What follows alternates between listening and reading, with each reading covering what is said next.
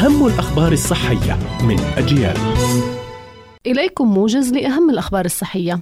دراسة حديثة تشير إلى أن الأشخاص الذين يشخرون أكثر عرضة للإصابة بالسرطان ويحدث الشخير بسبب انسداد مجرى الهواء أثناء النوم وهذا اضطراب في النوم يسمى انقطاع النفس الانسدادي النومي.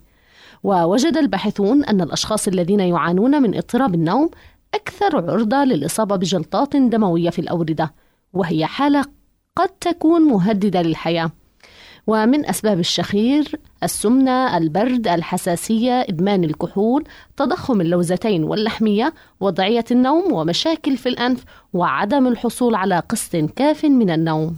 الجمعية الألمانية لأمراض الجهاز الهضمي تقول أن هناك أنزيم يكسر الدهون مع الطعام في الأمعاء الدقيقة ويتشكل في البنكرياس ويطلق في الأمعاء مع العصارات الهضمية ويعرف هذا الأنزيم بأنه أنزيم الليباز ويمكن الاستدلال على ارتفاعه من بعض الأعراض كالألم الشديد في الجزء العلوي من البطن بعد تناول الطعام مباشرة ويمكن أن يكون مصحوبا بانتفاخ البطن والإسهال.